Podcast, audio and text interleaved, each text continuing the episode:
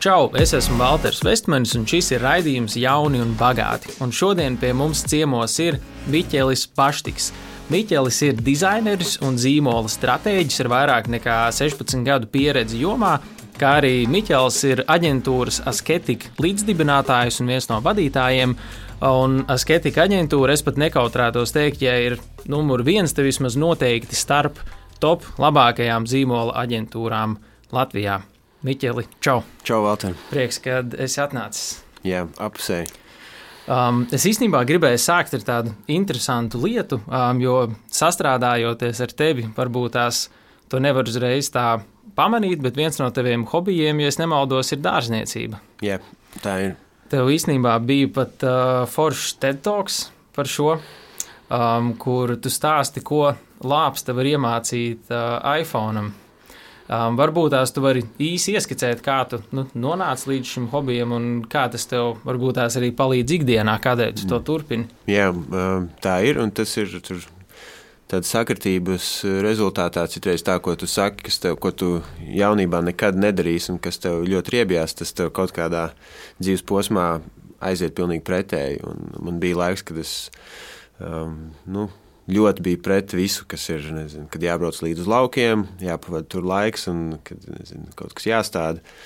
Bet tad tu, nu, kaut kā tu mainies dzīvē tās sezonas un, un pamazām. Uh, bija, tas bija tāds veids, kā tu burtiski sazinājies. Pēc tam, kad tu visu dienu esi ekrāna priekšā un strādā ar galvu, tad uh, tas dārsts ļauj tev burtiski ier, ierakties zemē un arī strādā fiziski, un tu atslēdz tās lietas, kuras tu kā ikdienā nodarbina. Tas bija tas, tā viena lieta, otrs ir arī saprast, um, man liekas, fenomenāli un arī kontekstā ar tavu tēmu par investīcijām, ka tu vari ielikt vienu sēklu zemē, mm. un tad vai nu pēc mēnešiem vai pēc gadiem tu dabūni simtkārtīgi vai tūkstoškārtīgi atpakaļ ražu. Un man liekas, tas fenomenāls lieta, par kuru nezinu, meditēt vispār, kā, kas tas ir, ka tu kā tā pasaule iekārtot, ka tu vari ielikt kaut ko vienu, tad, ja tu nevis izrāja vai apēd uzreiz, bet tu viņai ļauj augt, un cik ilgi ļauj augt, un ko tur to dara vai nedara, tad tu saņem tūkstoškārtīgi atpakaļ to visu. Tas māca arī ilgtermiņā domāt, tas māca palaist vaļā kontroli, ka ne visu tu vari kontrolēt, ne visu vajag. Un, nu, arī tādu daudz plašāku iepazīt pasauli, un, un daudz mācības no tā var paņemt. Es tieši šodien vēl izlasīju citātu, kad uh, iestādīt dārzu, tas nozīmē ticēt nākotnē. Un man liekas, mm. ka tas ļoti labi principā, arī nozīmē investēt. Kad tu investē šodien, atliec kaut ko malā, jo tu tici, ka nākotne ies uz augšu un tur būs kaut kas ar plusu. Un, un tur tās paralēlas ir īstenībā diezgan daudz, ko vilkt atpakaļ pie dabas. Tā ir tas, ko minēja, tas sēklas piemērs. Tas ir ne ļoti plaši izplatīts, bet diezgan populārs arī investīciju pasaulē, kad runā par vispār saliktiem procentiem, kā portfels laika gaitā var augt. Uh, kad uh, ir tāds salīdzinājums, tu iestādi koku. Un tev vienkārši jāļauj tam kokam augt. Un tu nevari ietekmēt to, kāda būs vasara, kāda būs ziema. Un, ja iestādīsi viņu viena dārza stūrī, tu saproti, vasaras beigās nekas nav izaudzis, tad tu roc ārā, pārstādi uz otru dārza stūri, tad atkal pagaidi līdz uh, jūnijam, pārrodas uz citu dārza stūri, nu, drīzāk tas koks nobeigsies nekā kaut kas no viņa sanāks. Jā, man ir tā bijis, ka tu tev liekas pēc gada, ka tur nekas nav, un tu viņu rauj ārā, un tad, kad tu izrauj, tu redz, ka īstenībā tur apakšā bija jau atkal jauns, jau jauns un tu pasteidzies, un kad ir jādod tas uh, laiks reizēm lietām izaugt. Mm. Um, ja skatās vispār uz uh, tavu, nu, es neteikšu karjeru, bet uz LinkedIn profilu, uh, Jo es mēģināju saprast, ko es līdz šim darīju, bet tev LinkedIn profilā ir viens ieraksts, asketika. Un tad es sāku domāt, vai tas bija tāds šāviens desmitniekā, kad izdomāju, sākšu karjeru, uztaisīšu aģentūru, aģentūra aizgāja, un tas ir arī viss, ko tu esi darījis. Vai tomēr ir citādāk? Jā, nu, īstenībā mēs, es savā nezinu, profesionālā darbībā jau no paša sākuma esmu kopā ar, savu partneri un, un līdzdibinātāju Skeptikam Krišjānu Jukumsonu. Un tā ir sanāca, ka viņš arī ir mans brālēns, un līdz ar to mēs, mēs esam vienā vecumā, un tur daudz lietas sakrit. Un, principā, pirms mēs sākām nodarboties ar dizainu, mēs sākām nodarboties ar uzņēmējdarbību.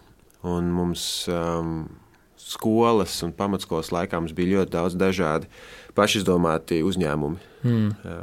Un, un daudz dažādu tur vienmēr bija nosaukumu svarīgi izdomāt, pēc tam izdomāt, ko tas varētu darīt. Tad galvenā autorība bija sākumā vecāki, tad vecāki. Tad, Nezinu, sēdienā, baznīcā cilvēki un, un tā daudz uz priekšu. Un, uh, mēs tur visu kaut ko darījām, avīzes, tirgojām, tirgojām ceļu satiksmes noteikumus pie luksusforu mašīnām un uh, mazgājām mašīnas un uh, izdevām avīzes skolās, nu, visu kaut ko. Un, uh, tad parādījās internets, tad likās, ka kaut kas jādara ar internetu. Un tad caur internetu sāc darīt to, kas tev interesē. Tad tu zini, ka tas saucās dizains, tad tu sāc domāt, kas ir tas dizains, tad tu sāc meklēt, bet viss notiek lēni, jo tajā laikā vēl internets bija caur dailapu, caur telefonu. Tas bija dārgi, ilgi un lēni. Un tad mēs tikai atklājām, ka tas ir dizains, kas ir tas, kas mums interesē, ko tu vari kā piedāvāt citiem. Tas sakrīt ar, ar nezinu, ka tev gribās pie datora pavadīt laiku, vizuāls, un, un tad mēs sākām tās lietas darīt un, un taisīt. Un tad bija viens, no, viens tāds gudrāks un jau mums priekšā pāris gadus vīrs. Viņš teica, nu, ka vajag tomēr to visu legalizēt. Savādāk jūs vienmēr būsiet tāds kaktu kantors un tā par jums domās. Tā problēma bija tā, ka mums vēl nebija 18 gadi. Tad īsti vēl nevar neko reģistrēt un nesaprot. Un tad mēs pie, pierģistrējāmies, bija tāds Junior Achievement Latvija. Mm -hmm. bija tāds mācību firmas varēja taisīt. Un tad mēs uztaisījām to un kaut kādā veidā tur pirmās mājaslapas uztaisījām. Un, uh, un, tad, sāk, un tad aizgāja vidusskola, uh, kas bija interesanti, jo vidusskolā tu kaut kādas lietas laid gar ausīm, jo tev īstenībā tu gaidīji, ka tu tiks mājās uztaisīt kaut ko pa īstam. Un tā bija laba sajūta, ka tu izdari to skolu, bet tev īstenībā pēcpusdienā ir īsti projekti, kur tev patiešām kāds arī gaida un pēc tam apsolīs ir samaksāt. Tas bija tāda forša atrast to tādu saķeri jau diezgan agri. Bet tad uh, augstskolas laikā Krišāns aizbrauca uz, uz Ameriku mācīties. Es aizgāju praksē uz, uz aģentūrām šeit Rīgā, un līdz ar to 4-5 gadi mums bija tāds stand-by režīms. Un tad, tad, kad viņš atbrauca atpakaļ, tad mēs sākām vēlreiz pa īstam, iestartējām, noierējām biroju. Nu, tās, tā, tā viss. Mm. Līdz ar to tas, tāds, tas ir viens ieraksts, bet tur, protams, ir dažādas nodaļas līdz tam bijušas. Jā, tad īstenībā interesanti, jā, ka tas starts ir bijis mēģināt uz visām pusēm visu kaut ko.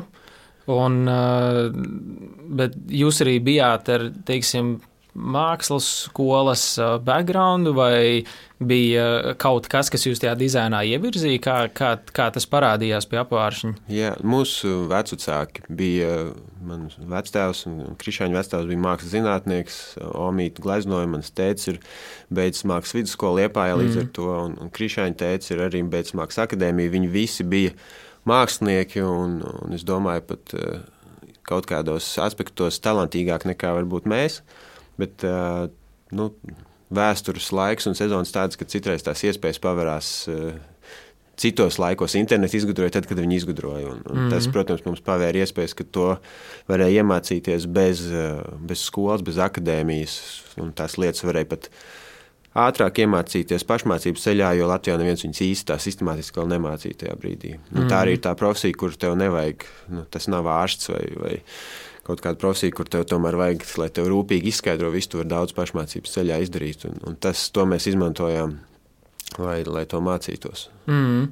Nu, forši tas tāds uh, labs stāsts, kā nu, diezgan netipiski veiksmīgi iesākt to visu darīt, bet tajā pašā laikā, cik es klausos, tam principā tie bija savi astoņi gadi, kopš jūs sākāt taisīt mājaslapas, tad strādājāt pa aģentūrām, kā tu minēji. Tas gluži nebija tāds, varbūt, pirmais šāviens, bet Nē, uh, tas noteikti, bija tāds malts un malts un malts un malts gadiem. Tas gadiem, noteikti gadiem nav pirmais šāviens, un tur ir, ir īstenībā tādas vairākas mācības, kuras, kuras es domājot, un nākot šeit mēģināju atšķirt, un, ja man būtu saviem bērniem jāpaskaidro, ko es, Jā. ko es no tā paņemtu. Un, un viens ir tas, ka, kad ir svarīgi sekot tai interesei un tu nezini īsti, kur viņi tev vēl novedīs. Mēs sekojām interesē, nezinot, kā viņi to vēl sauc.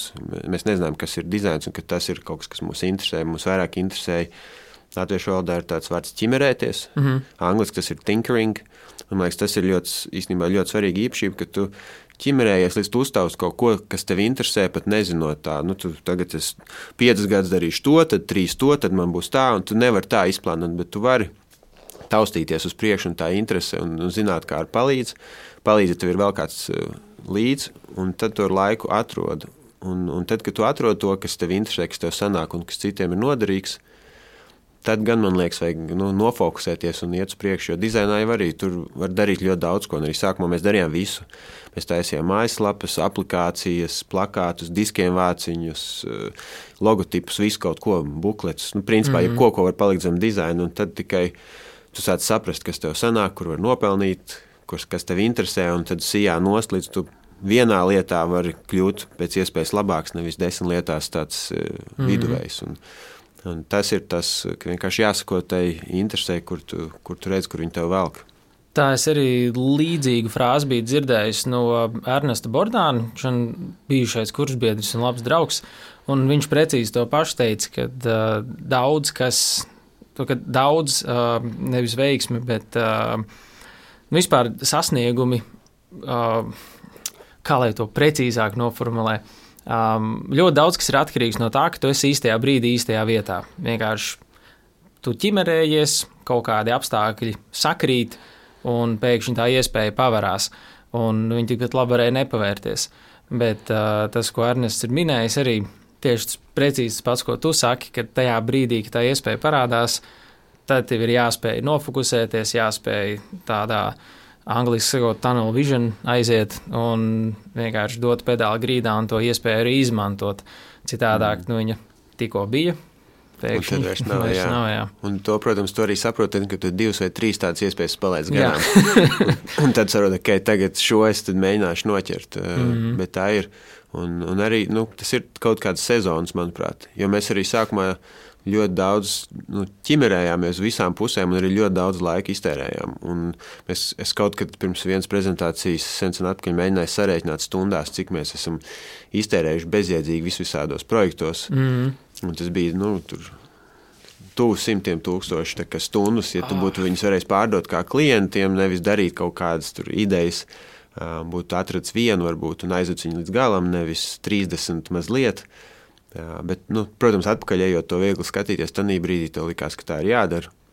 Mm. Un, un kā, vēl, vēl arī tas, ka tu, manuprāt, mēs daudz dzirdam internetā padomus, kā vajag darīt, un, un, un mēs bieži vien nesaprotam to kontekstu, no kāda tas padomdevējs to saka un kam tas ir mērķēts. Un visi padomi un ieteikumi, kas ir labi, viņi dara arī tavā situācijā.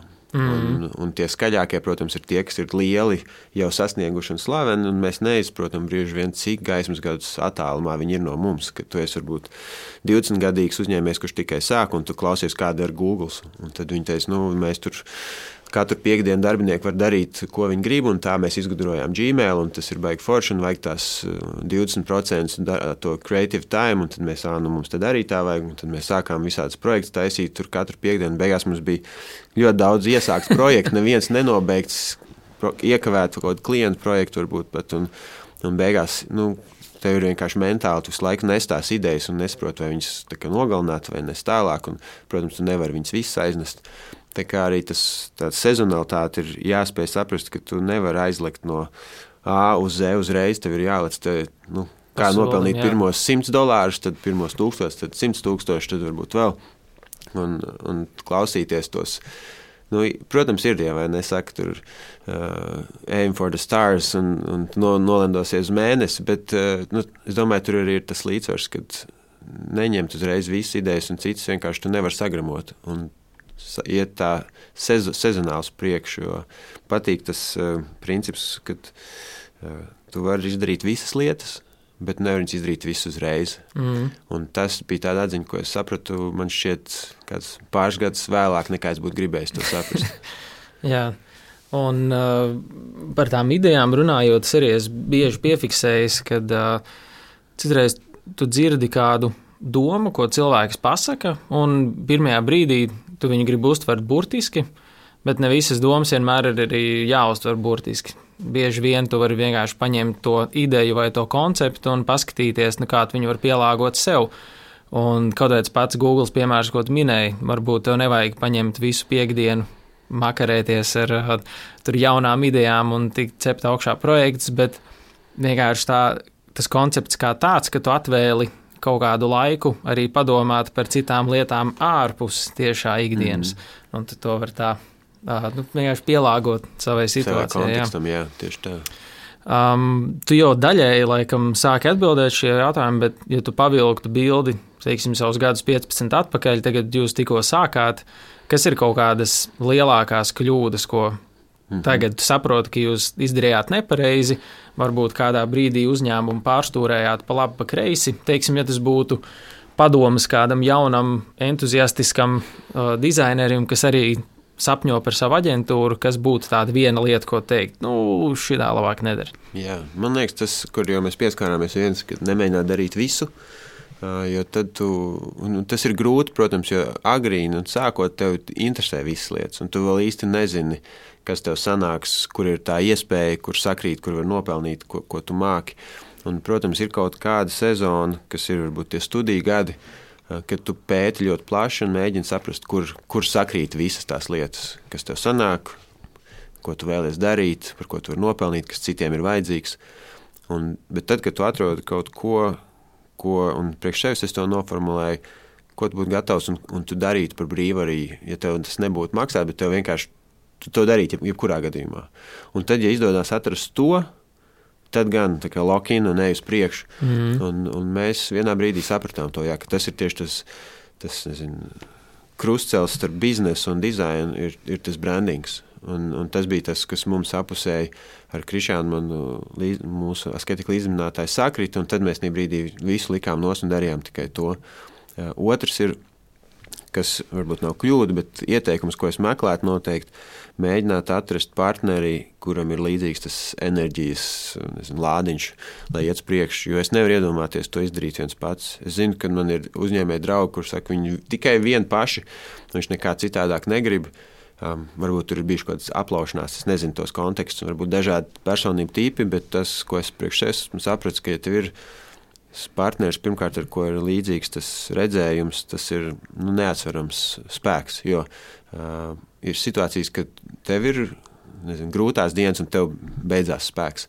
Un tad otram var nodot stafeti, un, un arī tās idejas mētā, tev vajag tā kā pingpongā ar to otru partneri. Un, un tas ļoti palīdz, jo arī tu nekad sākumā nezini, kur jūs būsiet pēc 5, 10, 20 gadiem. Uh, Un jūs noteikti mainīsies tas, un ja tev ir līdzīgs spēja ar to otru cilvēku sadarboties tā, ka nu, jūs zinat, ka kaut kas visu laiku mainīsies, bet jūs ejat kopā, tas neatsverams, eh, neatsverams tāds iegums atrast spēcīgu to partneru. Tādēļ arī nu, daudzos akceleratoros tev pat vienu pašu startup idejās neņem. Tur tev vajag tos divus, trīs founders, jo vienam ir baigi grūti, man liekas, tās, to iznest. Un, tā, tāpat tas jau tā uzņēmē darbība ir tāda ceļš, kur tu ej, nu, tev jāatrod savs. Tur nav tā, ka tu vari iet ar daudz cilvēkiem kopā. Vai... Jā, un, un, un tad, ja ir kāds, ar ko iet kopā, tas, tas man liekas, ļoti palīdz. Mm. Tur es noteikti varu piekrist. tā, jā. tā ir. Un arī vispār manā uzņēmējdarbības pieredze arī bijis tā, ka uh, tu dari to savu lietu, un pienāk neizbēgami kaut kādi brīži, uh, nu, kur nu, tev nav ne jausmas, ko darīt tālāk. Un tad tas ir tāds šāviens tumsā, kur principā viss tev ir tāds tā izglītots minējums, un tas arī viss ir izglītots nu, tik tālu, cik tu pats spēj kaut ko palasīt, paskatīties, bet bieži tas lēmums jā, jāpieņem tik ātri, nu, ka tev nav laika izsvērt visu par un pret. Uh, Un tajā brīdī arī, ja ir blakus kāds, kāds ar ko tu to dari kopā, tad ir nu, nesalīdzinām vieglāk Jā. to lēmumu pieņemt. Ne, bet kā to atrast, ja tu esi jauns un, un tagad to sācis, es arī īsti nezinu. Nu, jo arī viens no lielākajiem iemesliem, kādēļ jaun, jaun uzņēmums sajūta, ir nevis tādēļ, ka biznesa slikts vai, vai produkts slikts, bet tieši nu, kaut kādas domstarpības radās arī starp partneriem.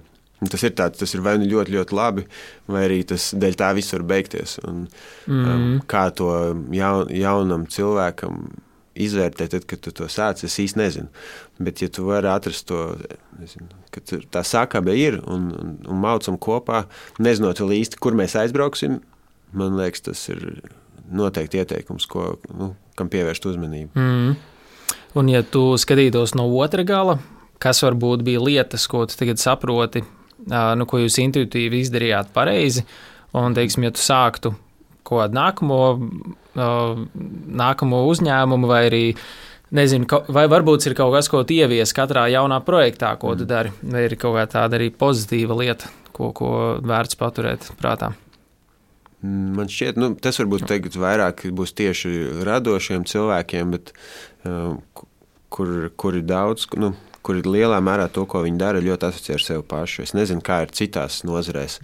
Varbūt tur tas ir mazāk vai citādāk, bet radošie viņi ļoti izteikti sas, saslēdz to, ko es daru, ar to, kas es esmu.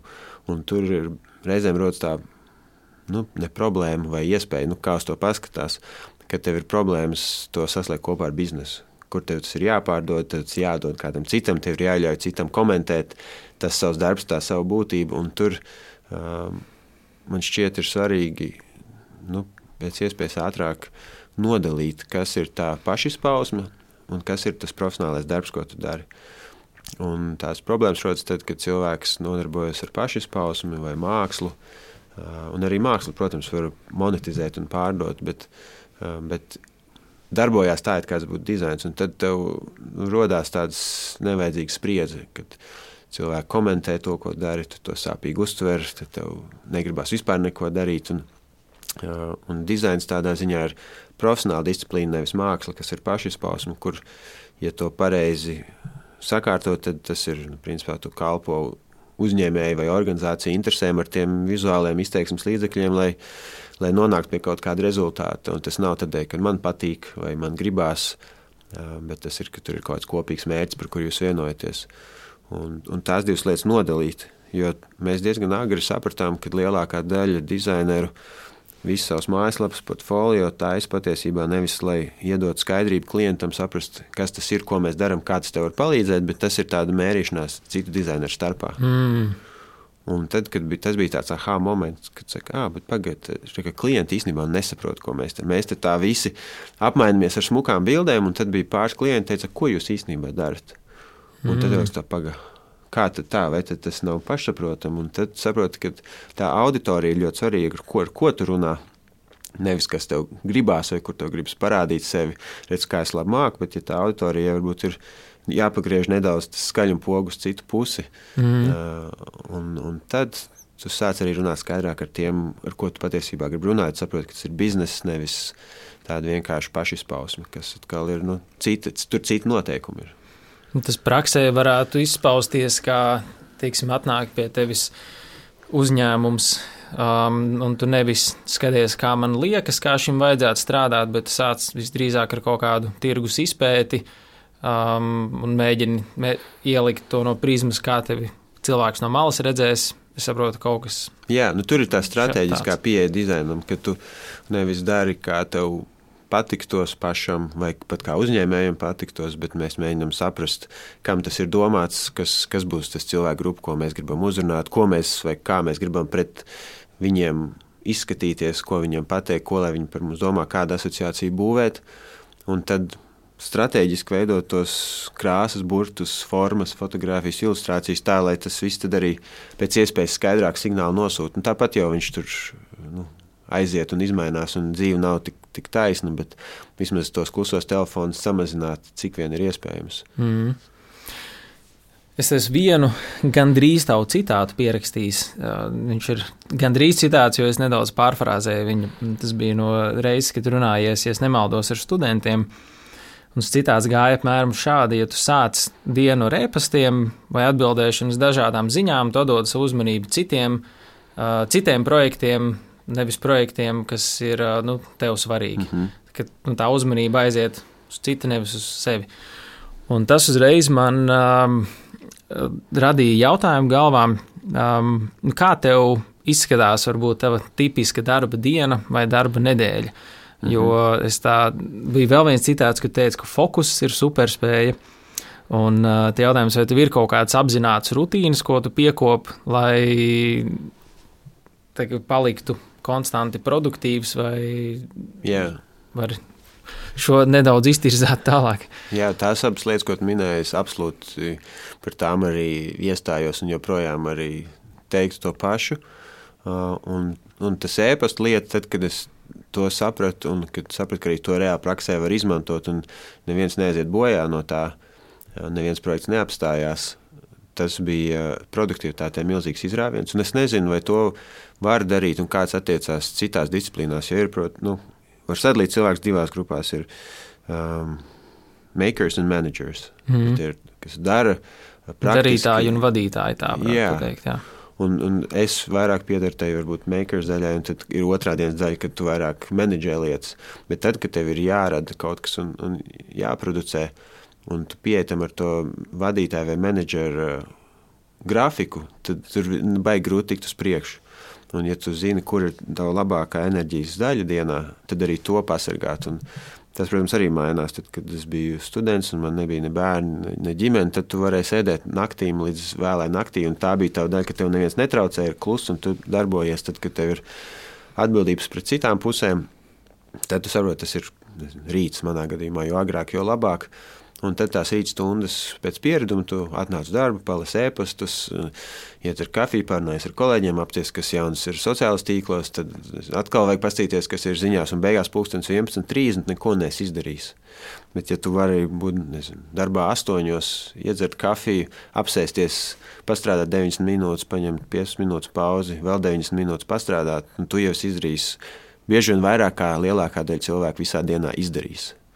Un, un Un tas ēpasts ir viens milzīgs. Eh, milzīgs tāds laika zaglis. Elements, kurš. Vai... Jā, nu, viņš vienkārši. Es piefiksēju vairākas reizes, ka tu. Es nospraucu, es izdarīju šodien šo lietu, bet tad tev ir trīs ēpasti iekrīt, un tu katram velti 45 minūtes, vēl, vēl un vēl, un beigās tev bija skaidrs, zinām, tādā lapiņā tas tavs tu dūks, tev šodien jāizdara, bet tu esi vienkārši noreaģējis uz citu cilvēku lūgumiem vai vajadzībām vai prasībām, un neesi to saulēt izdarījis. Un tad tas, ko es cenšos, ir saprast jau laiks uz priekšu, ko es tajā dienā darīšu. Un tu atnāc, izdzer kafiju, vienkārši ieslēdz datoru. Citreiz uzliec kaut kādu mūziku, lai tev ir noise cancelling austiņām, un tad tu dari. Un, un tas ir tās produktīvākās dienas, kas tiešām arī ir. Un, un tas, tāpat arī tas fokus, tas jau viss saslēdzās kopā, un tur nav tik daudz tās rutīnas, ko likt klāt.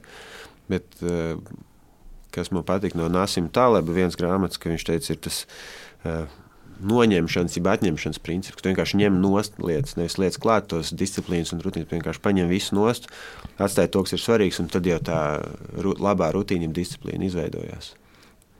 Bet uh, rekruti minēja, piemēram, ka plāno uz priekšu jau kaut kādu laiku, tev ir iegājies, ka tu iepriekš teiksim, šodienas beigās jau ieplāno, ko darīs rīt, vai tu pirmdienā mm. ieplāno visu nedēļu, kā varbūt tas praktiski mm. izskatās, jo es zinu, man pašam ir baigi grūti piespiesties uz to, ka es visu laiku gribu piedabūt dienas beigās ieplānot nākamo dienu.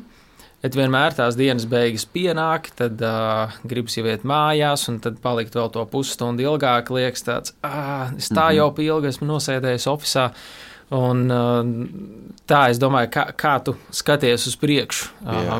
Nu, mums komandā ir tā, mēs plānojam pirmdienā visu nedēļu pa dienām uz priekšu. Mēs sadalām dienu divos blokos, un, un tad cenšamies vienkārši iezīmēt jau visai nedēļai, kurās dienās ko tu darīsi. Un, protams, kaut kas pa nedēļu pamainās, bet principā tev centies nedēļas sākumā to izdarīt. Un tas, ko mēs esam sākuši nesen, ir, kad arī piekdienās mēs uztaisam vēl vienu plānošanu Jo mēs sapratām, ka bieži vien pirmdienā atnākot tev tās divas brīvdienas, tomēr ir tā izveidinājuši galvu, ka tev, kamēr tu piestartējies, tev paiet laiks. Vieglāk ir piekdienas beigās, tagad sanāk kopā atskatīties, kas pārplānojās pa nedēļu. Un uzreiz jau salikt nākamo nedēļu, un tad pirmdien vienkārši apstiprināt, vai tas ir tiešām joprojām aktuāli, un tad iet uz priekšu. Un tā pa dienām plānojot, nu, es diezgan labi tas strādā. Protams, nevar katrs 15 minūtes, un tur ir kāds kolēģis pasauc, un tur vajag tas aiziet nevis 15, bet 45 minūtes. Un, bet tādos lielos blokos uh, tas, tas nedēļas beigās saplānot nākamo nedēļu, un pirmdienā vēlreiz noprecizēt, tas, tas diezgan labi mums strādā.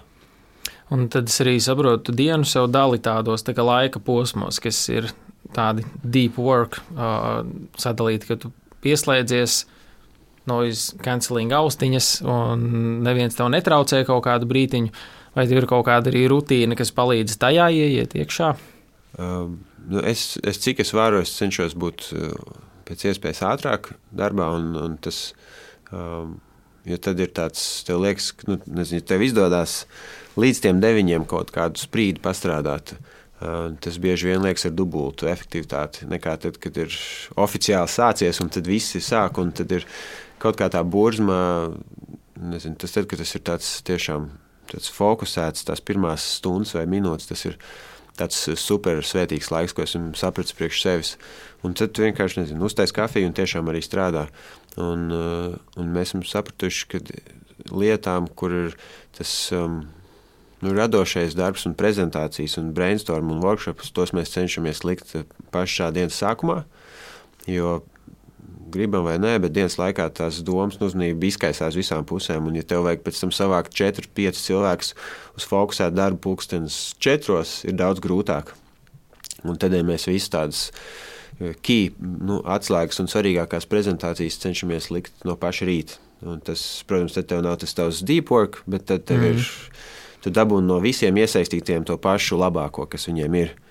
Uh, un tad atkal pēcpusdienā var likt tās lietas, kuras ir tu vari atbildēt, kur tev var mierīgi pēc tam aizsūtīt ēpastus, sagatavot tāmas, rēķinus, sazvanīties. Es izmantoju bieži vien ieplānoju telefonu zvanus, tad, kad es braucu mājās. Tad ir pusstundu, 40 minūtes, tu sēdi tāpat mašīnā, ieliec mm. austiņu, un tu mierīgi vari tās trīs sarunas izdarīt, un tu viņus vari nezinu, neizdarīt 11.30 vai 9.30. Tas, protams, nav kaut kas emergency. Un tā sadalīt to, to rītu līdz tam, līdz tam pusdienām, līdz tiem trijiem pasargātam. Um, nu, tas, kurš prasa visvairāk to mentālo spēku. Mm, tā īstenībā ļoti laba doma, jo, ja no rīta ir nu, kaut kā, ja ņem par piemēru tos svarīgos strateģiskos mītīņus vai brainstormus, tad tā jau ir parasti, kad es eju uz darbu, man ir galvā jau nu, kaut kāda viena doma, ar ko es vismaz gribēšu sākt šodienu. Un, ja ir tas strateģiskais mītīņš pašā sākumā, tad es jau principā visu rītu viņam gatavojos. Bet, ja viņš ir ieliks dienas beigās, tad tu esi bezmaz kā izrauts no kaut kā ārā. Yeah. Tad ļoti, ļoti var pamainīties vispār tā enerģija, un tās domas, kas aiziet uz to. Jā, arī, ja tas ir kaut kas svarīgs, tu īsti nevari efektīvi kaut ko citu padarīt, jo tomēr tāpat kaut kāds procents aizmugurējā prātā velti tam tai svarīgai lietai. Un, un, un tad arī es mm. atceros kaut kādās, kad skolā vai visur tev vajadzēja, kurš grib pirmais, es vienmēr piesakies pirmais. Ja tad, tad, miers, kā, tad ir mieres, sākas tās 45 minūtes vienkārši streso un tur kā, nu, tu esi gatavs vai tu neesi. Tas, tas 34 minūtes neko vairs nemaina. Un, uh, Sēdi un svīsti solā. Nu, tieši tā, jā. Tev arī ir kādas aplikācijas, kas tev palīdz uzlabot dzīvi ikdienā vai produktivitāti tieši darba ziņā. Mm, jā, nu, es visu, visu laiku esmu mēģinājis atrast aplikāciju, kas ir tāda tā kā atvilkne, kurā tu vari samest iekšā visu bildes, tekstus, linkus. Un tad kaut kādas lietas tur ieiet tik dziļi, ka tu nekad viņas vairs neizrodas, bet tu zini, ka tev ir tāds, te, tu vari izlādēt daļu no savām smadzenēm ārā tajā aplikācijā, un tu zini, ka viņi tur vienmēr ir. Un, uh, nav svarīgi, vai viņi tev vajadzēs vai nevajadzēs, bet vismaz viņi tev nav jāpatur galvā. Un kādreiz es lietoju daudz, daudz gadus Evernote, tas man bija tāds, bez, nu, bez kā es nevarēju, bet tad viņš kļuva tik sarežģīts un, un klamzīgi, ka es tagad viņu esmu pat vispār izdzēs ārā, aizmirst. Bet es, principā, mans numur viens aplikācija ir, Google Keep. Pavisam mm. vienkārši tāds notepads, kur tu vienkārši principā teksta piezīmes, tā kā postit lapiņas telefonā. Mm. Un tur tas ir tas tiešām tāds. Kur tu saberi iekšā visu, kas, kas vien ir, un tad ir kaut kādiem mm. tagiem. Un tās aplikācijas, skaties dažādas, citiem ir, tur, nu, ir daudz versijas par tām, kas kuram der.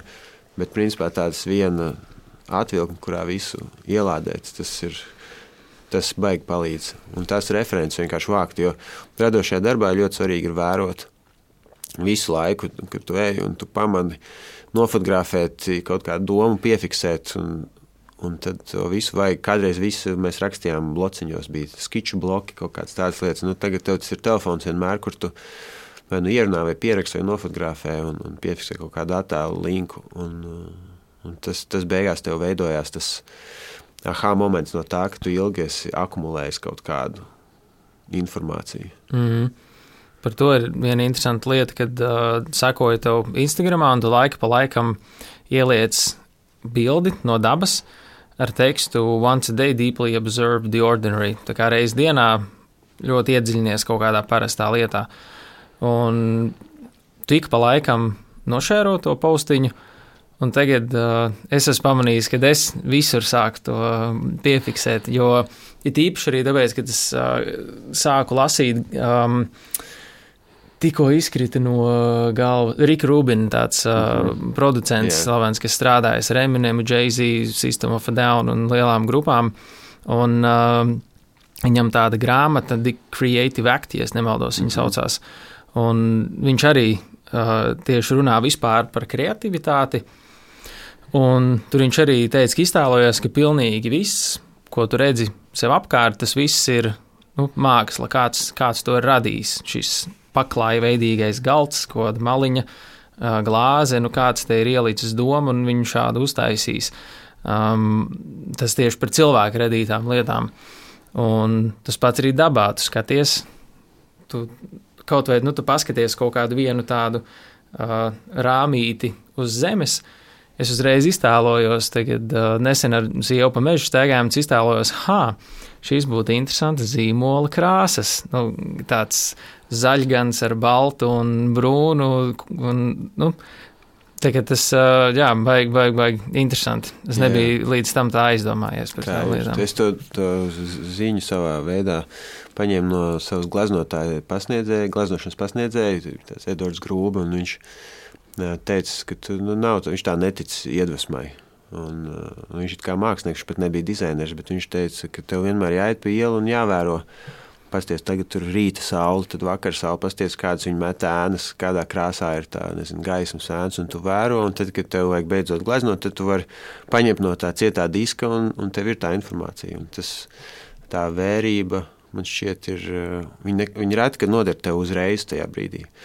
Un, bet tu vienkārši vāc tos mazos failiņus sev galvā, un, un tā kā tu sāki, mm -hmm. tad tā kā, ah, šitās krāsas, varbūt tādas. Tur nekad nezinu, kur pēc tam tie punkti interesanti sakombinējās pēc gadiem mm. kopā.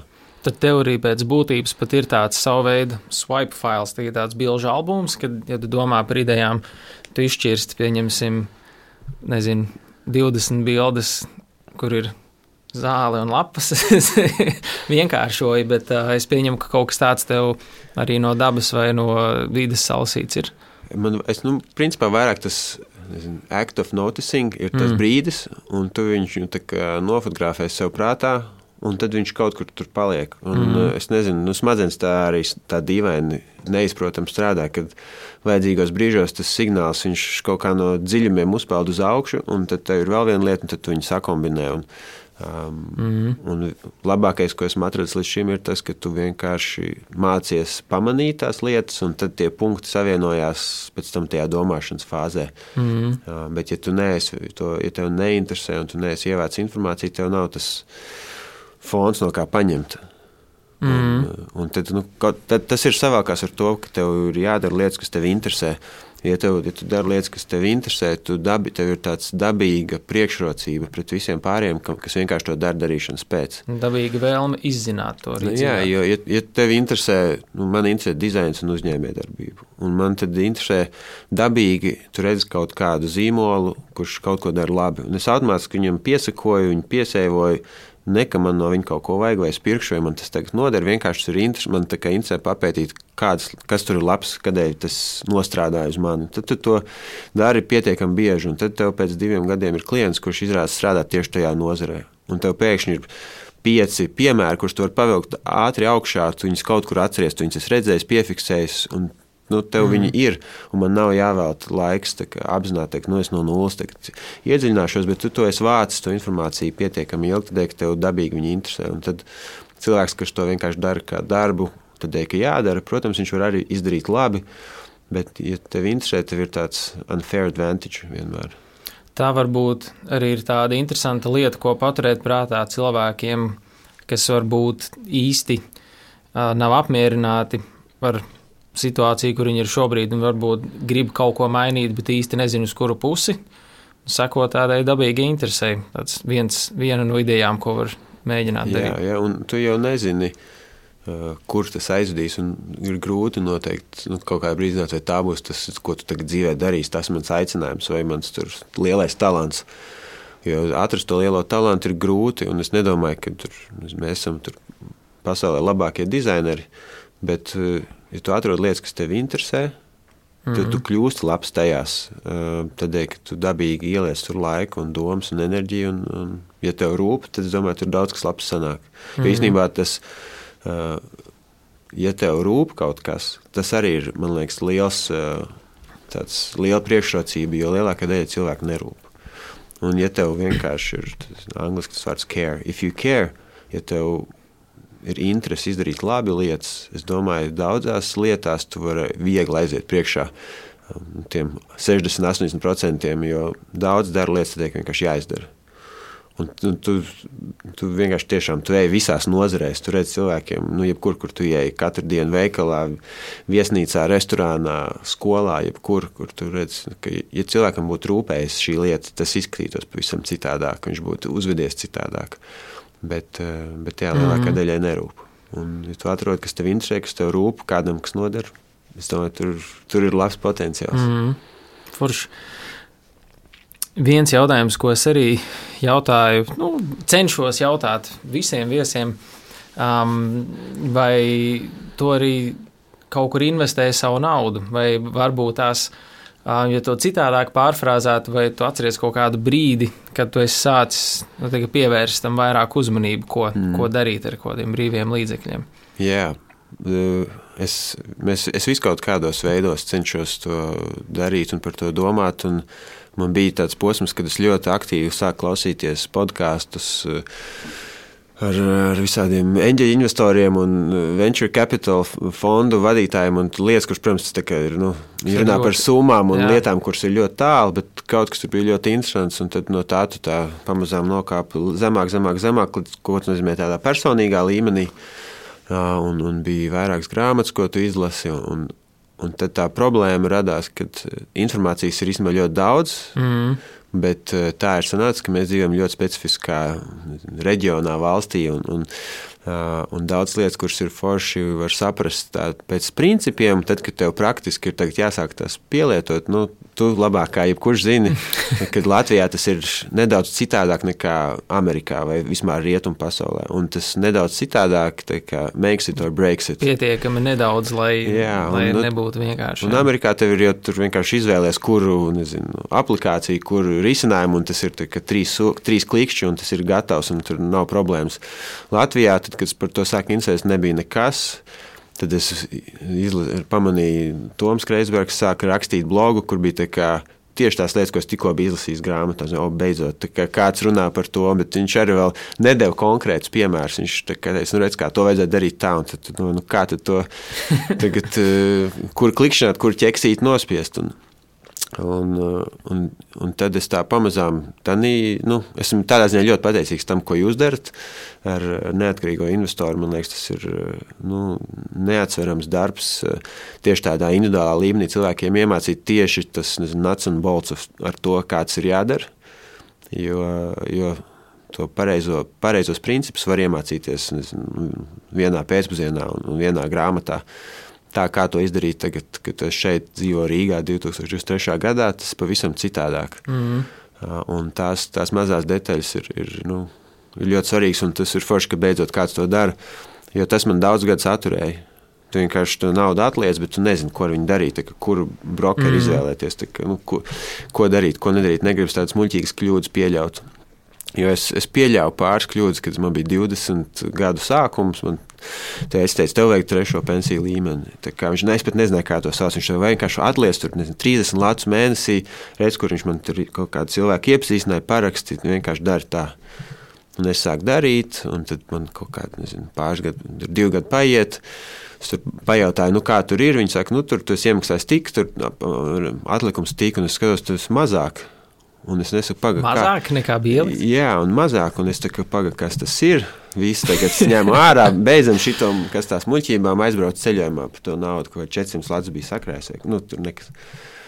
Un, un pēc tam es vēlreiz sāku kaut kādu citu trešo pensiju līmeni, bet tur bija jāmaksā reizes gadā, tad tā summa liela, un tad tā gada beigās vienā gadā nav tur tie 500 lati, un tas viņus nes atlicis pietiekami. Un tad tur, tur atkal kā, tur līgums laužās, un tu atkal pazaudē kaut kāds divu gadu maksājums. Un tā es divas reizes to to, ko es novēlētu saviem bērniem, ka tu sāc tajos 20 gados, ko visos blogos raksta, sāc agri. Es mm -hmm. divreiz sāku agri un divas reizes arī kā, nu, neizdarīju to līdz galam. Un, un tad es tā, nu, esmu ļoti priecīgs par to, ko jūs darat. Es ceru, ka maniem bērniem būs iespēja sākt daudz agrāk, jo viņiem būs jau, nu, latviešu izskaidrots, kā to darīt. Un, un tas, nu, šis raidījums, zinu, ka mēs nu, vēl vecajā formātā, kas mums bija katru nedēļu. Mēs klausījāmies, jā, tas īsais, tie vēl pieejami. Un, un, un klausījāmies, un es tāds vienmēr tik uzlieku, neko nesaku, lai viņi paši klausās. Nā, un, un, un tā, nu, tas lēnām iesakņojas, ka viņi vismaz kaut kur tā informācija nosēžās. Uh, un, un es gadu laikā esmu visu kaut ko, man ir kaut kas ir indeks fondos, es arī es kaut kad lasīju tādu stratēģiju, kas par uh, vienu vien dizaina studiju investēja tikai uzņēmumos, kuri pēc viņu kritērijiem atbild labiem dizaina principiem. Un tad, kā eksperiments, skatījās, kas notiek pēc kaut kādiem periodiem, kad ja vai tie uzņēmumi atbilst vai neatbilst. À, tā ir interesanti. Katram savu jā. nišu, kā, kā pieeja. Viņiem bija ļoti labi, tie, nu, viņiem bija savi kritēriji, un viņi tur kaut kādas eksperimentu kārtā, kas četrus gadus to darīja. Un tas man palika atmiņā, un tad es daru tā, ka es. Uh, man ir tas princips, eh, ja, ja es ticu, ko tas uzņēmums dara, eh, un man patīk, kā viņi to dara, un es viņus lietoju pats, tad es, eh, tad es negribu būt tikai lietotājs, bet arī kaut kādā veidā būt daļai no tā uzņēmuma. Mm. Un tad man ir kaut kāda daļa, kuras vienkārši ielieku ne, nelielu daļu tur, kur man vienkārši individuāli, subjektīvi. Emocionāli atbildība. Jā, man liekas, ka nu, ja es, es ticu, ka tas ir forši, un es vairākas reizes to pērku pats, tas nozīmē, es esmu arī daļa no statistikas. Un, protams, tur ir daudz lietas, ko tu zini labāk, bet tas ir daļa vēl. Un, jā, es, es arī kaut kādu daļu. Arī ar kripto esmu mēģinājis un skaties arī tieši no tā iemesla, ka uh, nu, es piedzīvoju, kā ir, kad sākās internets. Un, un tu saproti, ka ir kaut kādi brīži, vēsturē, kas ir vienkārši sākums kaut kam. Un, un ir forši, ka tu tādā sākumā īstenībā nu, kaut vai nedaudz, bet tu, tev ir savi divi centi tur. Jā, bet, bet tā man lielākā interese ir, un ko mēs ar skeptiku darām, kad mēs uh, eksperimentējam un mācāmies ar to, kas saucas sweat equity. Jeb, kad uh, mēs ieguldam to savu darbu kāda daļas uzņēmumā, kur ir jauna uzņēmuma, kur nevar būt samaksāt, jo viņi ir agrīnā stadijā. Mm -hmm. Viņiem vajag daudz Eh, lietas ļoti agri, bet viņiem nav naudas tajā brīdī, bet viņiem ir liels potenciāls. Un tad mēs esam vairākas reizes darījuši tā, ka mēs uh, izdarām darbu. Un viņi nevis par to samaksā, bet daļēji samaksā. Tad mēs nu, principā, ieinvestējam to savu darbu iekšā tajos uzņēmumos. Un tas arī man liekas interesants, jo tas ir lietas, um, ka tu iegūti lietās, kur, par kurām tev ir vismaz kaut kāda zināšana un kontrole. Mm. Jo tad mēs, mēs zinām, kas ir dizains, mēs varam kontrolēt to outputu kaut kādā mērā. Protams, tas ir ļoti agrīni, ļoti riskanti. Un, un ar to mēs rēķinamies, bet tas arī kaut kas tāds, kas ir nu, nozarei specifisks un kaut kāda investēšanas kultūra, kuru man interesē Latvijā, varbūt nezinu, iepazīstināt, vairot, jo nu, tāds jaunu uzņēmumu kultūrā Citur pasaulē, dažādās jomās tas ir jau standartizēts. Latvijā tas ir vēl ļoti tāds, nu, pirmie eksperimenti tikai. Mm. Vispār, jā, ja runā, man patīk tas uh, vārds zināšanas, ka jūs teicāt, ka jūs ieguldaties arī ar to sweat equity, jo tas ir nu, kaut kas, ko jūs vismaz zinat. Bet tās zināšanas, tas ir tāds ļoti, ļoti, ļoti liels, svarīgs atslēgas vārds vispār, kad runa ir par personīgiem finansēm. Un Man personīgi tas lielākais izaicinājums ir mēģināt saprast, kā cilvēkos radīt tādu saprātīgu, loģisku uh, zinātnākāri par to tēmu. Jo tas bēdīgākais ir tas, ka, uh, ja es kādreiz nezinu, kādam cilvēkam stāstu, hei, nu, ar ko es nodarbojos, kad palīdzu cilvēkiem uzsākt investēt, tad bieži vien pirmais pretjautājums ir, kur, kur tad tavi miljoni? Ja? Bet uh, tā, tas ir that's not the point, no angliski runājot, mm. kad uh, tas, nu, tā dezinformācija ir tik daudz un tik traka apkārt, ka cilvēkiem ir tas priekšstats, ka, ja tu nodarbojies ar investīcijām, tā tad tu dzīvo Dubajā, tev ir dzeltens Lamborghini, zelta ķēde, un tagad miljoni laistās uz visām pusēm, un tev traderu dzīves stils. Un, bet um, tās visas ir diezgan nu, liels muļķības, un lielākā daļa no tā viss ir nu, vienkārši meli, izīrēts autiņš, Airbnb, smukā vietā un tam līdzīgi. Instagram konts. Jā, jā, jā. Un, uh, tāpēc man baigi patīk vispār nu, tas stāsts, kāds stāstīja. Baigi forši un pārsteidzoši, nu, ka tev bija kāds, kas tevi tajā ievada.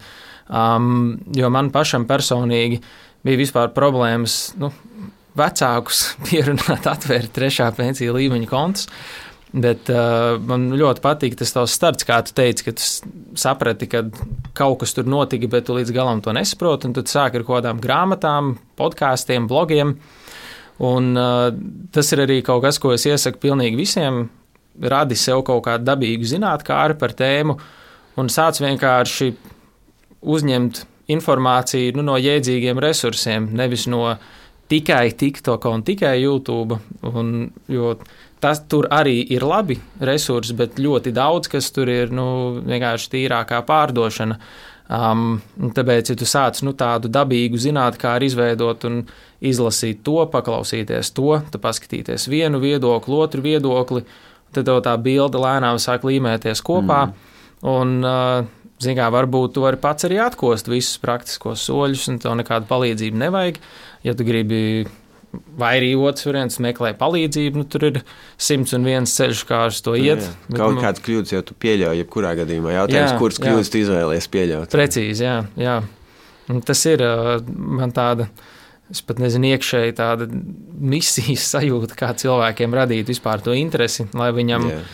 ir sāks rasties kaut kāds arī pareizs priekšstats. Jā, liekas, tas arī ir, tas ir nu, kritiski svarīgi, jo mums jau nav tāda investēšanas kultūra vienkāršā cilvēka līmenī. Tas ir tieši tā, kā saka, ir tie nu, augstais finansisti un, un, un nopietnie cilvēki, bet kas ir tāda nu, ground level, kur jebkurš cilvēks uh, māk uh, nu, atlikt. Jo principā man šķiet, ka tur īstenībā tas ir kad es, es domāju par vecākiem un cilvēkiem, kas ir, nu, kam tagad ir ap simts, vai bija, mm -hmm. vai mhm. būtu bijis simts, viņi būtu vēl dzīvi.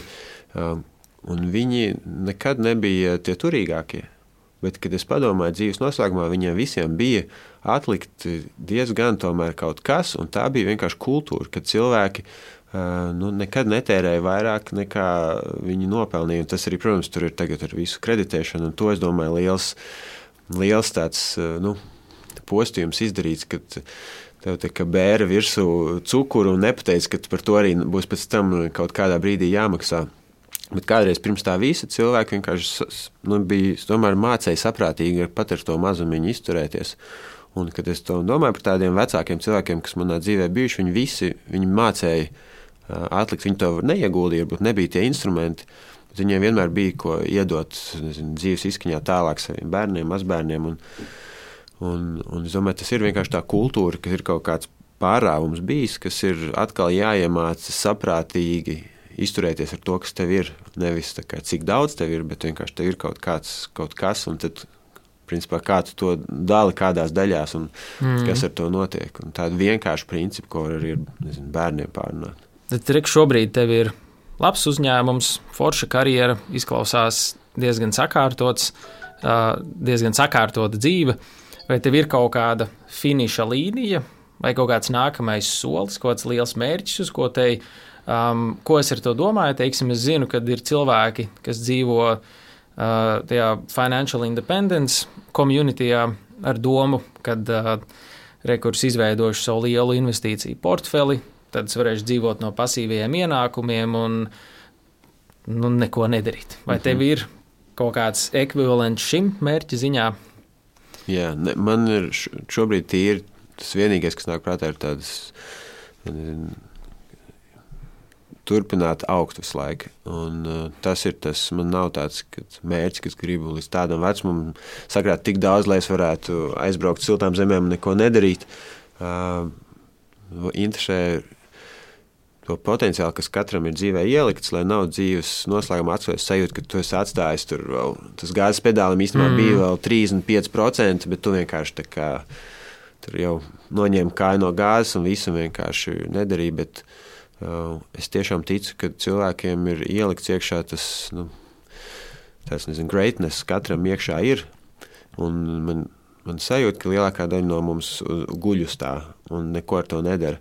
Un ka tas potenciāls iekšā ir daudz lielāks nekā mēs viņu ikdienā izmantojam. Un man gribētos nu, parādīt sev un saviem bērniem, ka, ka to, kas tev ir ielikts, to tu esi Izmantojis, izmantojis un atdevis, cik, cik tas ir iespējams. Un kur tas ir, nu, man nav ne jausmas. Es kā, nu, gribu mērķēt pietiekami augstu, lai, lai to dabūtu. Jo es, es daudz braucu ar riteni. Un man bija pagājušā vasarā tāds foršs brīdis, kad es braucu pa šosei un es jutos ļoti noguris. Man liekas, nu tur vēl pēdējie kilometri. Vairs jau spēks nav. Man pabrauc garām viens džeks, kā, nu, nezinu, it kā viņam būtu elektriskais ritenis. Un te uzreiz tā, ka pagaidi, kas tā, kā, tā nevar. Un tā kā pamosties, un es tā kā sev kā challenge uzliku, un vai es varu viņam noturēties līdzi. Un izrādījās, ka es varēju diezgan ilgi, līdz man vajadzēja nogriezties, es varēju viņam noturēt līdzi. Tas man bija tāds pagaidām, man likās, ka esmu sasniedzis tos, eh, nu, viss man jau enerģija beidzās, tagad jau tūlīt būšu mājās. Īsnībā tu varēji vēl dubultā iet uz priekšu, tev vajadzēja vienkārši drusciņi kāds parāda, kas ir iespējams. Un, un es domāju, nu, negribētos piedzīvot to, ka tu nu, noguli. Un tev tomēr tu pamani, ka var aiziet tālāk, un tu aizies. Nu, tas pats sportā arī bieži vien, kad viens pasaules rekords izlabo, izrādās pēkšņi visā pasaulē. Visi arī māca peldēt drusku ātrāk vai skriet drusku ātrāk. Un tas piemērs vienmēr palīdz. Un tad, nu, atrast, kur katram tā līnija ir, tas mm -hmm. laikam ir tas nu, turpināt augt. Tā ir īstenībā tāda, tāda interesants uh, patērns, ko es jau esmu pamanījis starp runātājiem, ko es aicinu. Šeit ikvienam, kad uzdod šo jautājumu, nu nevienam nav finiša līnija. Konkrēts, vis, tieši tā jau visi vienmēr stāsta, ka nu, tas ir ceļš, uz kuru tu esi, un cilvēki ir atraduši foršu ceļu, kurš viņiem patīk. Un viņi saka, tas vienkārši grib turpināt. Un tas, man liekas, ir tāds ļoti labs Jā. mērķis, laba finiša taisnes, ko tiekties. Es Vienkārši ceļš, kur tu gribi ar vienu, turpināt. eh, Draugu, kurš nu, ir ļoti labs basketbola treneris un, un strādāja izlaša līmenī, eh, mēs runājam par to. Viņš teica, ka nu, tev ir tas sapnis, ka tu gribi nonākt kaut kādā līmenī, kur tu vairs par naudu nedomāt vai par darbu nedomāt. Bet, lai tur nonāktu, tev ir sevi jā, jāpārveido par cilvēku, kurš pēc noklusējuma vienkārši, tad, kad viņš tur nonāks, viņš gribēs īstenībā turpināt strādāt. Turpināt augt un pilnveidoties. Un tas, nu, tu nevari tur nokļūt, ne, nekļūstot par tādu cilvēku. Man šķiet, nu, ja tas nav loterija vai nezinu, kaut kāds sagadījums. Un, un, nu, tur es tam varu laikam pievienoties. Mm -hmm. Pēdējais jautājums. Um, kas ir kāda viena grāmata, ar ko tu vai nu esi visvairāk dalījies ar cilvēkiem, vai arī kur izlasot, tev nu, bija tāds, ah, te kaut visi izlasīt šo grāmatu, kad visiem vajadzētu šo zināt, vai ir kaut kas tāds, ar ko tu varētu padalīties? Ja, ja runa ir par naudu un investēšanu, man ļoti patika tas um, Richest Man in Babylon, tāda maza grāmatiņa, eh, kas mazliet dīvaini lasīt viņa tādā senatnīgā valodā, bet man patīk tas um, vienkāršība caur to, ka tas ir it kā stāsts ir par ļoti, ļoti senu uh, laiku. Babilonija. Jā. Jā, ka tev ir tā kā, tu esi brīvs no visiem tiem tehnoloģijām, gadgetiem, aplikācijām, tie, un- bet tie ir tādi e, timeless principi, kurus tu saproti. Un, okay, es, es saprotu tos fundamentālās lietas, ka tas ir pareizi. Tur mainās viss tas icing on a cake, bet tas, mm Mhm. -hmm. ir, tas man likās ļoti labs. Un otra, ko es esmu dāvinājis e, vai, diezgan daudz, ir tas e, Psychology of Money, kas man liekas arī izdulkot arī latviešu. Jā, jā, Morgana Hausela grāmata. Jā. Un viņa man atkal šķiet ļoti cilvēcīgi runā par naudu. Tas nosaukums man liekas patiesībā varbūt neatbilstošs. Viņš drusku atgrūž, jo tur ir nauda un psiholoģija. Un tas tāds, bet viņš tādā um, casual valodā runā mm. par lietām, nevis ideālistiski, bet uh, realistiski. Un viņam ir ļoti, es viņus pamanīju pirmo reizi lasot viņa blog postus vairākus gadus. Tie bija ļoti interesanti. Un tad grāmata bija, protams, vienkārši nu, tāds patīkams lasām vēl ko lasīt. Un, un, un tas arī. Mm noteikti vērts to izlasīt. Nu, super. Ja kāds grib tev kaut kur piesakot, vairāk par tevi uzzināt, kur viņiem skatīties, kur tu esi visaktīvākais. Um, jā, es laikam visus tādos sociālos tīklos, vienkārši Miķels Baštiks, un, un tur arī vajadzētu mm -hmm. būt, kad atrodas kaut kas. Jā, nu super. Man liekas, bija ļoti forši, interesanti, vērtīgi saruna. Forši, paldies, Jā, paldies!